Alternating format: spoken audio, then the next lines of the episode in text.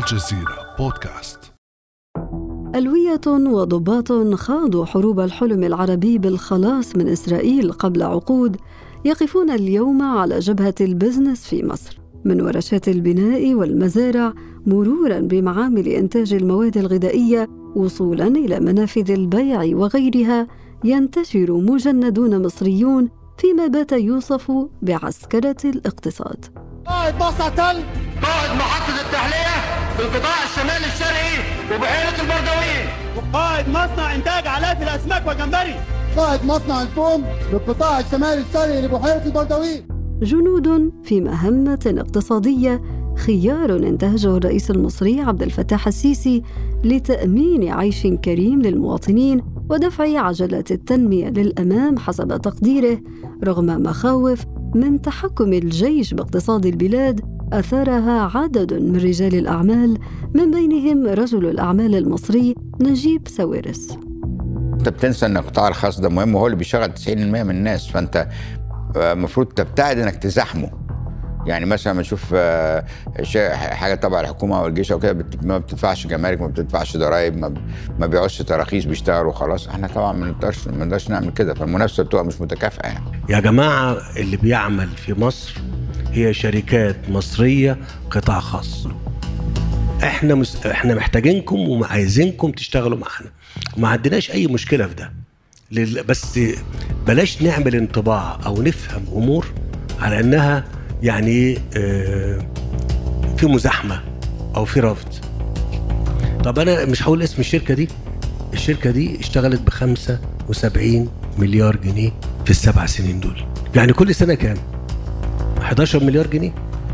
في حد بيشتغل ب 11 مليار جنيه ما بيشتغلش؟ مش كده؟ وأمام هذا الجدل يقف المصريون في حيرة من أمرهم. فما هي جذور عسكرة الاقتصاد في مصر؟ وما تداعياته على الأداء الاقتصادي؟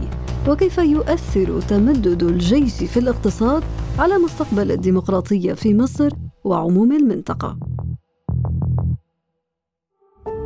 بعد أمس من الجزيرة بودكاست أنا امال العريسي.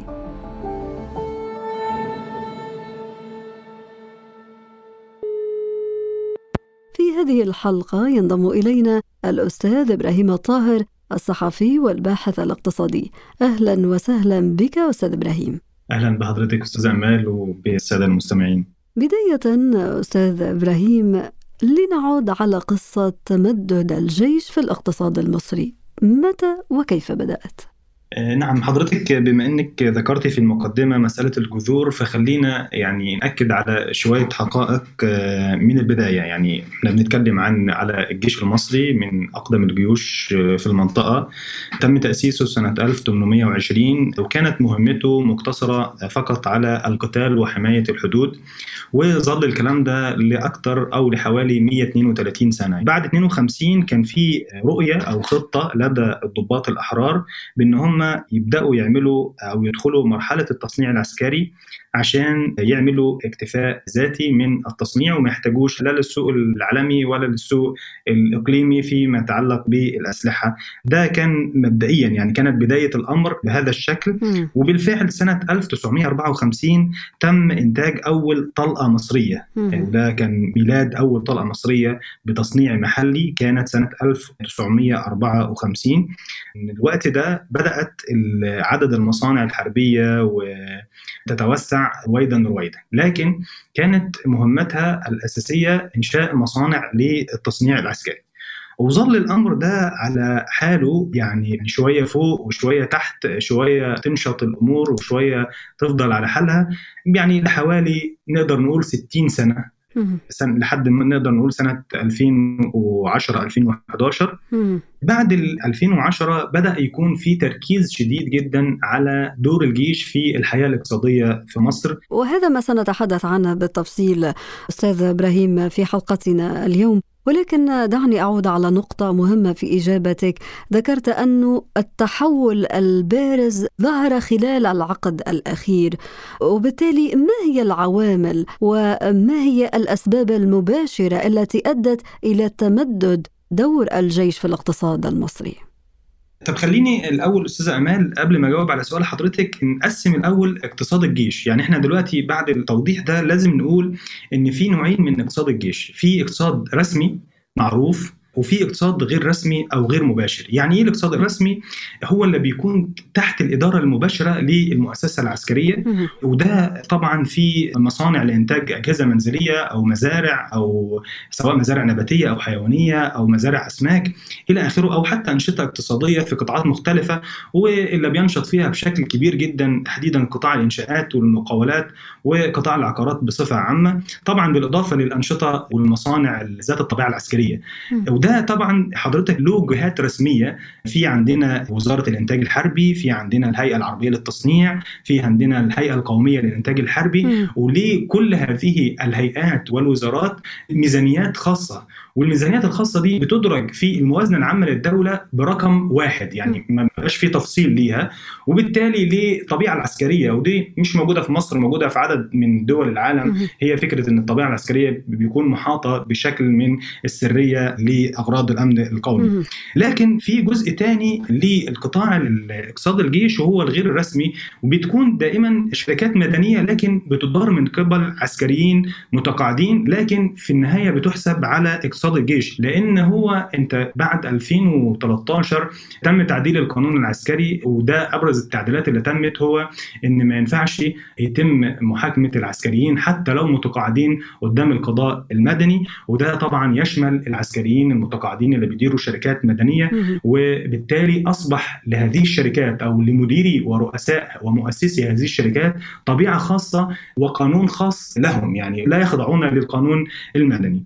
أنت أشرت أستاذ إبراهيم إلى الجانب القانوني الذي يؤمن عمل العسكريين المتقاعدين في النشاط الاقتصادي أو في إدارة الشركات في مختلف القطاعات كما أن أيضا الرئيس المصري عبد الفتاح السيسي لم يخفي منذ توليه السلطة رغبته في تعزيز دور الجيش في الاقتصاد المصري وذلك رغم حديثه عام 2016 عن تواضع حصة المؤسسة العسكرية في الاقتصاد. قال بصراحة يعني أنه يرغب ببلوغ تلك الحصة 50% لنستمع. أنا بقول واحد ونص لاثنين في المية من الاقتصاد. واحد ونص لكام؟ لاثنين في المية يعني الاقتصاد اللي 3 4 تريليون الجيش ليه واحد نص تريليون فيه طب يا ريت طب والله يا ريت يا ريت ليه؟ لأن الدولة المصرية يبقى ده اقتصادها نصه قطاع عام هو الجيش قطاع عام ولا قطاع خاص؟ قطاع عام مش كده ولا إيه؟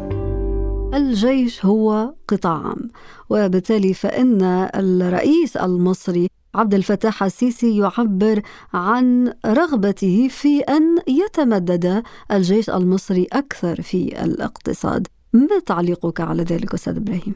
يعني ده قربت السؤال ده بالسؤال اللي حضرتك بتتكلمي فيما يتعلق بدور الدخول أو الأسباب م. التي تدفع دخول الجيش للحياة الاقتصادية. في أسباب كثيره بصراحة يعني. السبب الأول إن أنا لو عندي حياة لو عندي قطاع خاص قوي يعني شاغل المساحة الاقتصادية بشكل كبير هيكون الجيش دوره مقتصر أو محدود على عدد من الشركات أو عدد من القطاعات التي ترتبط وليكن بالطبيعة العسكرية. لكن دخول الجيش وتوسعه دليل يعني له عدة أدلة. لكن أنا خليني آخذ الدليل الاقتصادي باعتبار بصفتي باحث اقتصادي. وهو إن كان هناك يعني هو ده بيديني رسالة إن مفيش قطاع خاص قادر على يعني تقديم الخدمات أو المنشآت أو إلى آخره. ده بشكل يتناسب مع القوة التي يمكن أن يقدمها الجيش والسرعة في الإنجاز. وده الحقيقة اللي كان بيتم التسويق ليه إن إحنا قدامنا مقاولين أستاذة أمال كان في بعض المشاريع بيتم بدء العمل فيها ويتوقف المشروع في منتصفه سواء في مشروع متعلق بالصرف الصحي. تجدي بعض المشاريع أيضا سواء بعض في مؤسسات إنشاءات أو كباري حتى تلاقي الموضوع بدأ وحصل تعثر في التمويل فالمقاول ترك المشروع وسابه يعني من باب وقف نزيف الخسائر. الكلام ده ما بتشوفوش في مشاريع المتعلقة بالقوات المسلحة أو مشاريع الجيش. وبالتالي عزز فكرة إن دخول الجيش على لسد هذه الثغرة بيعزز فكرة إن أنا بنجز وبأنهي مشاريعي وبالسرعة وبالكفاءة المطلوبة. أنت حكيت أنه عزز فكرة يعني هل هذا ليس واقعا؟ هل يمكن القول أن الجيش المصري بالفعل تمكن من إنقاذ مصر آه، عبر الأزمات الاقتصادية اللي مرت بها أو أنه نقول أنه الجيش المصري أصبح ينافس القطاع الخاص في تنفيذ المشاريع وغيرها هي البداية بتكون دخول لانتشال أو لحل الأزمات وده مش في الجيش المصري بس ده في عدد من جيوش العالم. إن هي تحاول تنقذ الوضع الاقتصادي أو تنقذ الوضع بطريقة أو بأخرى لما يعرف من انضباط وكما ذكرنا سرعة وإمكانيات.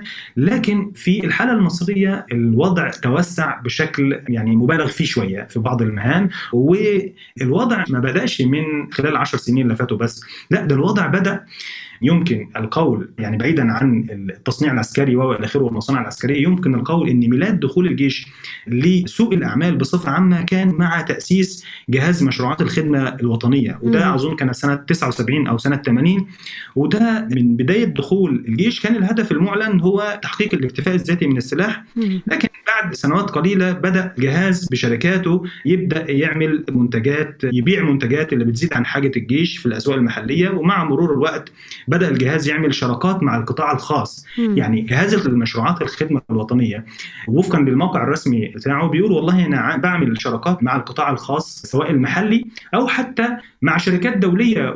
طيب وين المشكل أستاذ إبراهيم؟ ولماذا وصفت تمدد الجيش أو دوره أنه أصبح بالمبالغ فيه؟ وين المشكل أنه يعقد شراكات سواء محلية أو مع شركات دولية؟ هو الإجابة على السؤال ده في وجهتين الوجهة الأولى وهي وجهة نظر معارضة شايفة أن تدخل الجيش في الحياة الاقتصادية بيفسد الاقتصاد وبيدمر القطاع الخاص وبيدي رسالة سلبية للاستثمارات الأجنبية وبالتالي بتحجم الاستثمارات الأجنبية على الدخول في بلد بيسيطر عليها اقتصاد الجيش. ليه بيحصل الكلام ده؟ أو إيه اللي بيعزز وجهة النظر المعارضة ديت؟ إنه بيقول لك والله الجيش عنده مجندين أي وبالتالي أيدي رخيصة يعني مش رخيصة كمان أيدي مجانية كمان مش رخيصة. الجيش معفي من الضرائب والجمارك شركاته وانشطته الاقتصادية معفية من الضرائب ومعفية من الرسوم الجمركية. وبالتالي وكمان أيضا عنده أصول يقدر يشتغل عليها ويبني عليها مشاريع. أصول الدولة زي الأراضي غير الزراعية اللي هي الأراضي الصحراوية وما أكثرها من مساحة في مصر. وكذلك الأراضي غير المستغلة دي بتكون خاضعة أو تحت إيد الجيش وبالتالي بيمتلك أصول يقدر يبني عليها مشاريع وتدعمه. غير القطاع الخاص اللي بيروح يشتري الأرض بالشيء الفلاني والمتر بالشيء الفلاني وإلى آخره. والنقطة اللي إحنا اتكلمنا عليها قبل كده وهي فكرة إن الجيش لا يخضع للقوانين المدنية وبالتالي لديه قوانينه الخاصة. فأنا لما يعني بيكون لديه مقومات نقدر نقول يعني غير عادلة مع شركات القطاع الخاص المدني. ونفس وجهة النظر دي أيضا بيقول لك والله طب ما هو ده كمان بيضر بسمعة الجيش لأنه بينشغل عن المهمة الأساسية بتاعته هي حماية الحدود. وجهة النظر الثانية وهي وجهة النظر المؤيدة لتدخل الجيش في الحياة الاقتصادية شايفة ان والله دخول الجيش على الحياة الاقتصادية أو دخول الجيش في المشاريع الاقتصادية بترفع من مستوى كفاءة الخدمات عشان الامكانيات اللي إحنا اتكلمنا عليها وبتساهم في القضاء على الفقر لأن هو بيجي يقول لك أنا عندي مثلا نص مليون لكن كل الشغالين في مشاريع المتعلقة بالجيش سواء مدنية أو عسكرية حتى القطاع العسكري في وزارة الإنتاج الحربي فيها جزء مدني موظفين مدنيين بيروحوا يداوموا في الوزارة وبالتالي بيقول لك أنا بساهم في توفير فرص عمل وبالتالي بساهم في القضاء على الفقر في البلاد. ده غير طبعا السرعة والإنجاز. طبعا دي يعني وجهة النظر المؤيدة لدخول الجيش. بناء على كلامك أستاذ إبراهيم الجيش المصري موجود في قطاعات يمكن أن نقول هي حيوية بالنسبة للمستهلك المصري هي حقيقة غير منتجة ولكن كيف انعكست على المستهلك والمواطن المصري؟ هل هناك انخفاض في الأسعار؟ هل هناك وفرة في العرض؟ ما الذي حدث؟ يعني مثلا على سبيل المثال إحنا الجيش عمل مزرعة سمكية أو مزارع أسماك.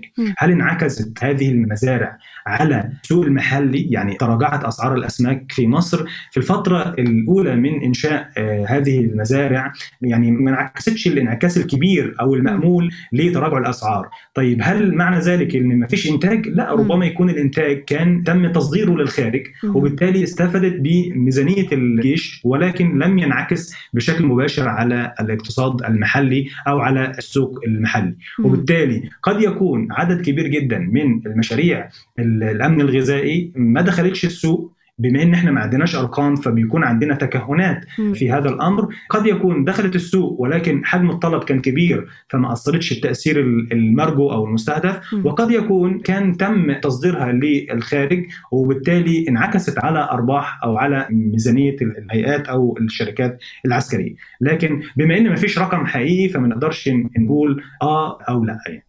طب أستاذ إبراهيم في ظل غياب هذه الأرقام عن مدى مساهمة الجيش في الاقتصاد أو إلى أين تعود عائدات القطاعات التي يتدخل فيها الجيش؟ لا نعرف حقيقة وجهة هذه العائدات. طيب ما الذي يفسر استياء بعض رجال الأعمال؟ كنا سمعنا الجدل اللي صار في الفترة الأخيرة مع رجل الأعمال سواريس. نعم. بص يا أستاذ ايمان خلال ال 69 سنة اللي فاتوا إحنا نقدر نقسم الموضوع لعدة مراحل لكن نقدر نقول إن كان في وقت الجيش أو النشاط الاقتصادي العسكري كان إلى حد ما ضعيف نسبيا. كان هدفه يعني كسب الولاء أكثر منه التوسع أو الاستحواذ الاقتصادي واستمر الأمر ده لحد السنوات الأخيرة من حكم مبارك قبل 2011 أعتقد كان في اشتدت المنافسة بين الجيش وبين رجال أعمال مبارك واللي كانوا قريبين جدا من النظام ومن جمال مبارك.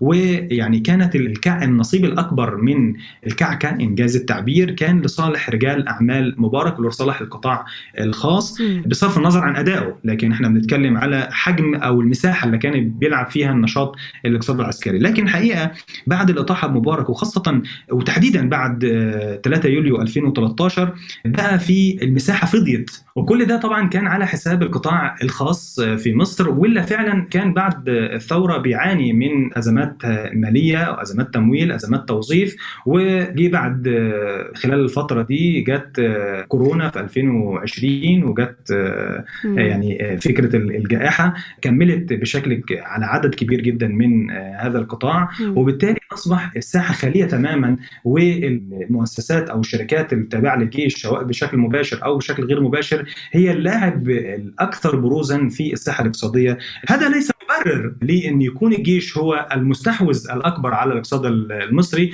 ولكن يعني أنا كباحث اقتصادي شايف إن ده أحد النتائج اللي أدت لذلك. وإن كنت أرى إن من المهام الأساسية أو يجب على القائمين على الأمور في مصر أن يفسحوا أو يعيدوا إفساح المجال مرة أخرى للقطاع الخاص في مصر حتى يعززوا من دور هذا القطاع الحيوي والمهم وإعطاء رسائل إيجابية للمستثمرين الاجانب للعودة مجددا إلى الاستثمار في مصر بشكل حقيقي وليس استثمار أموال ساخنة أو استثمارات غير مباشرة. بما أنك تحدثت عن الرسائل أستاذ إبراهيم رسائل مصر إلى المستثمرين في الخارج ولكن مصر هي موجودة في قلب المنطقة العربية.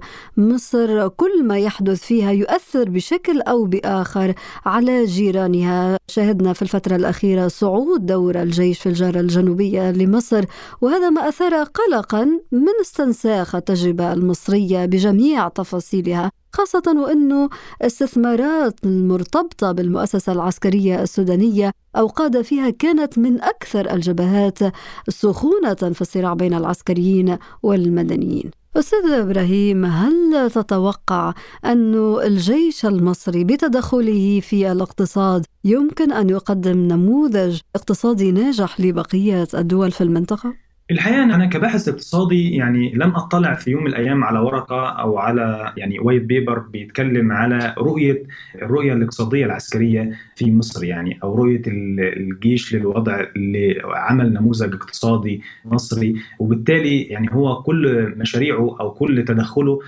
كان مبرره أو قائم على فكرة الإنقاذ أو السرعة في الإنجاز. ففكرة إن هو يكون في نموذج أو في رؤية اقتصادية واضحة وشاملة أنا بصراحة لم أجد ذلك يعني. وبالتالي فكرة النموذج الاقتصادي غير واردة من وجهة نظري حتى هذه اللحظة. يعني هي لم تولد بعد. وبالتالي لا توجد فكرة أو لا يوجد نموذج لتصديره للخارج سواء لدول مجاورة أو لدول أخرى يعني. طيب أستاذ إبراهيم أنت تحدثت عن أنه مبدئيا لا وجود لنموذج اقتصادي يظهر دور الجيش في الاقتصاد سواء في مصر أو خارجها، وبالتالي هل تعتقد أن هناك دورا للشركاء الغربيين للحكومات العربية في الدفع باتجاه دعم دور الجيش؟ الحقيقة وفقا للموقع الرسمي لجهاز الخدمة العامة أو جهاز مشروعات الخدمة الوطنية للقوات المسلحة إن هو عامل شراكات مع شركات دولية.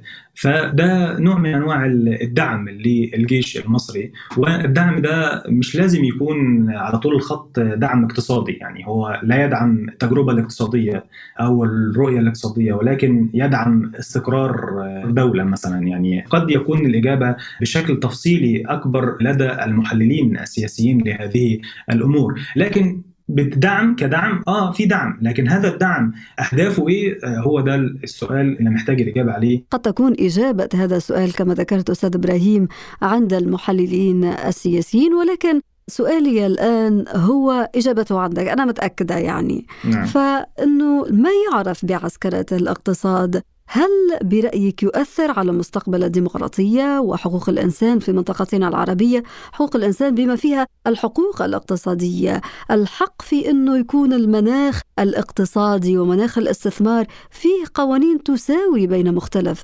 الفاعلين الاقتصاديين أليس كذلك؟ بالطبع يعني كما ذكرنا في البداية إن الإقتصاد العسكري دايما بيكون له قوانينه الخاصة بيشتغل عليها ما بيعتمدش أو لا يخضع للقوانين المدنية. وبالتالي دايم ده بيكون رسالة سلبية جدا لأي حد يجي يدخل يستثمر عندك لأن هو لن يكون هناك منافسة عادلة. طبعا ده على المستوى الاقتصادي وبالتالي فكرة ضمان الحقوق ضمان الحقوق الاقتصادية أو في حالة التنازع التجاري في حالة إلى من يلجأ.